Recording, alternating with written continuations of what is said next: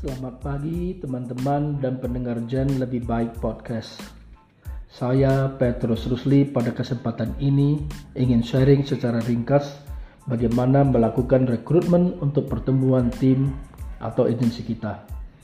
Semua leaders tahu mengapa kita harus merekrut, antara lain kita tahu bahwa new recruit adalah fresh blood, darah baru untuk kelangsungan hidup tim atau agensi kita. Rekrutmen juga adalah salah satu dari dua pilar utama dalam membangun dan mengembangkan agensi di samping productivity. Namun teman-teman kita juga tahu dan menyadari bahwa banyak di antara kita yang enggan melakukan recruiting karena seperti banyak yang bilang itu sulit, menghabiskan waktu dan biaya sehingga banyak yang mengatakan ah lebih baik kita jual sendiri daripada recruiting. Kan dapat overriding juga dan dapat lagi komisi. Tapi kita sama-sama tahu bahwa itu cuma alasan-alasan yang kita cari untuk melakukan pembenaran atas tindakan kita, atau hanya mencari alasan-alasan saja. Di lubuk hati kita yang dalam, kita tahu bahwa itu tidak benar dan tidak boleh dilakukan oleh leaders yang profesional. So, let me share 5 tips sederhana atau praktis dalam melakukan recruiting. Yang pertama, mulailah dengan mindset yang benar bahwa recruiting is a must and it's our number one job. Sekali lagi, recruiting is a must and it's our number one job. Recruiting itu suatu kemestian dan itu adalah tugas utama kita.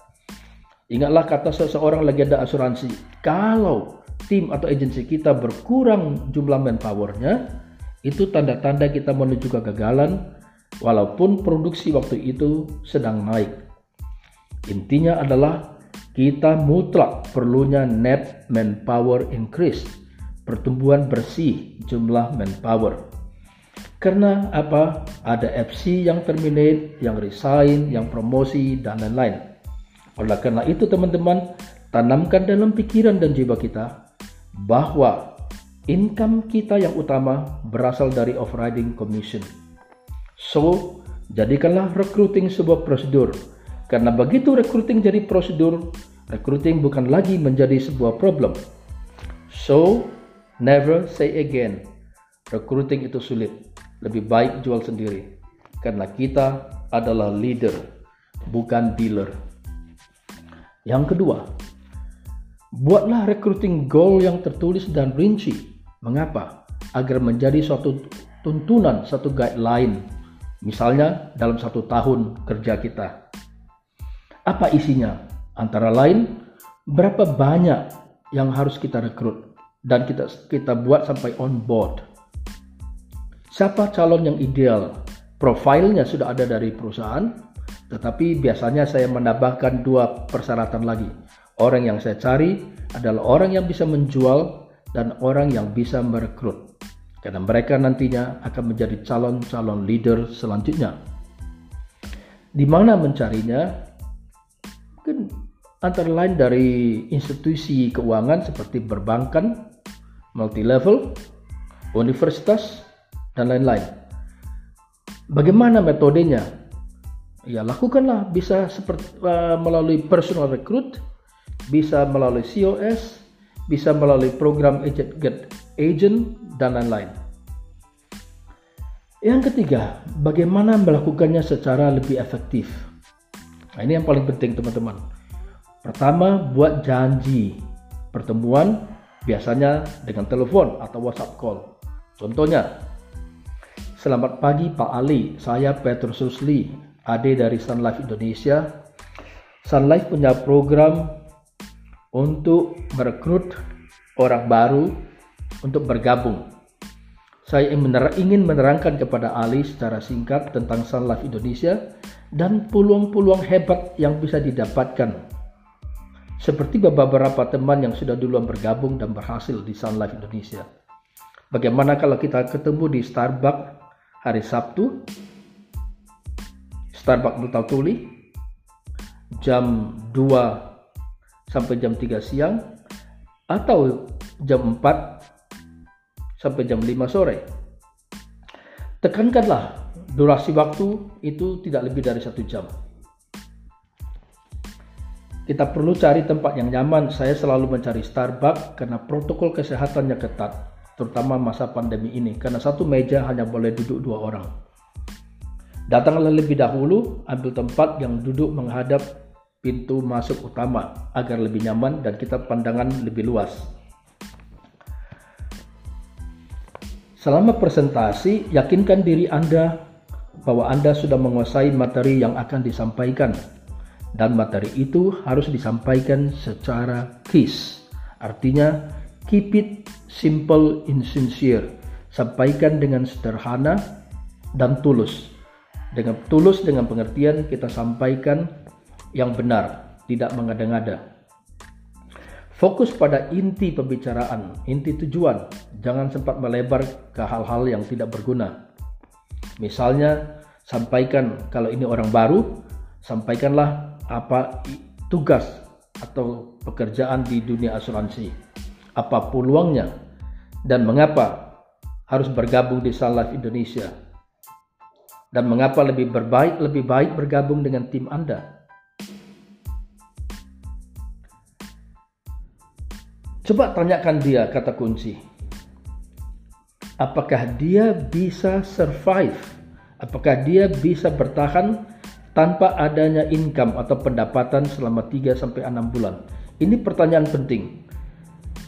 Karena kita tahu bahwa untuk berhasil seseorang begitu memulai ini adalah masa-masa yang kritis.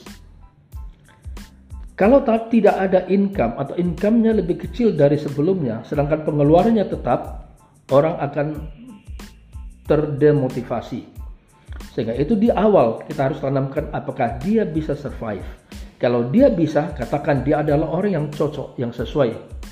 Karena kita hanya butuh dua orang saja selama satu kuartal. Mengapa dua orang? Karena kita akan punya waktu yang lebih banyak untuk membina mereka. Karena kita ingin orang yang bergabung dengan kita pasti berhasil. Seandainya dia mengatakan tidak bisa bertahan karena dia butuh income secepatnya, ya katakan Anda belum cocok bergabung dengan kita kita bisa berteman dan kita bisa ketemu lagi kapan-kapan.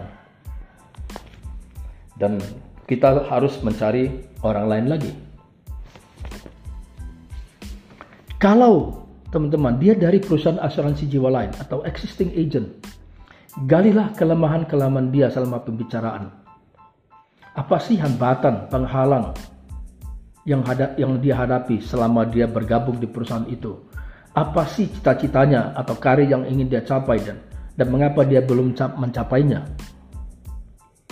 Setelah Anda tahu, Anda tonjolkanlah kekuatan kita. Juallah Sun Life Indonesia. Juallah CEO kita. Bahwa CEO kita itu adalah orang Indonesia yang mengerti keinginan kita sebagai orang Indonesia, apa yang orang Indonesia butuhkan. Dan dia fokus membantu bangsa rakyatnya untuk hidup lebih baik. Yakinkan dia dengan kepercayaan diri dan kebanggaan Anda bahwa menjadi leader di Sun Life itu Anda adalah orang yang mempunyai kehidupan lebih baik. Dan Anda mampu mengembangkan FC Anda agar menjadi FC yang lebih produktif, yang lebih berhasil. Oleh karena itulah kita tekankan di awal, kita hanya butuh dua orang saja selama satu kuartal.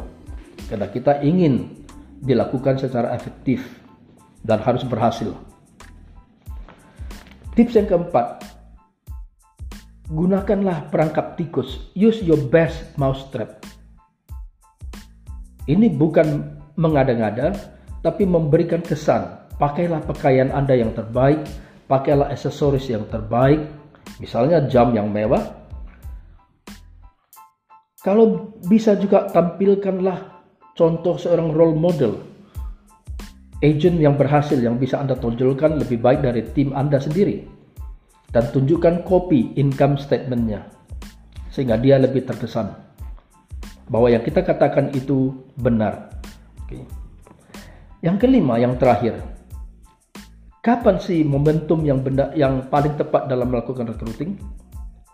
Bagi saya, waktu yang cocok adalah waktu yang relax yang bisa memberikan kita cukup waktu bicara. Misalnya hari Sabtu siang di coffee time. Kenapa coffee time?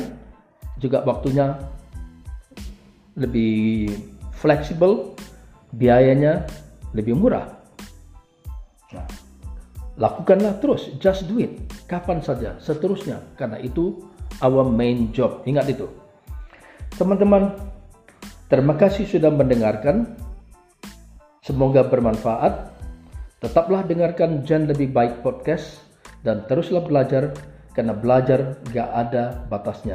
Sampai jumpa kembali.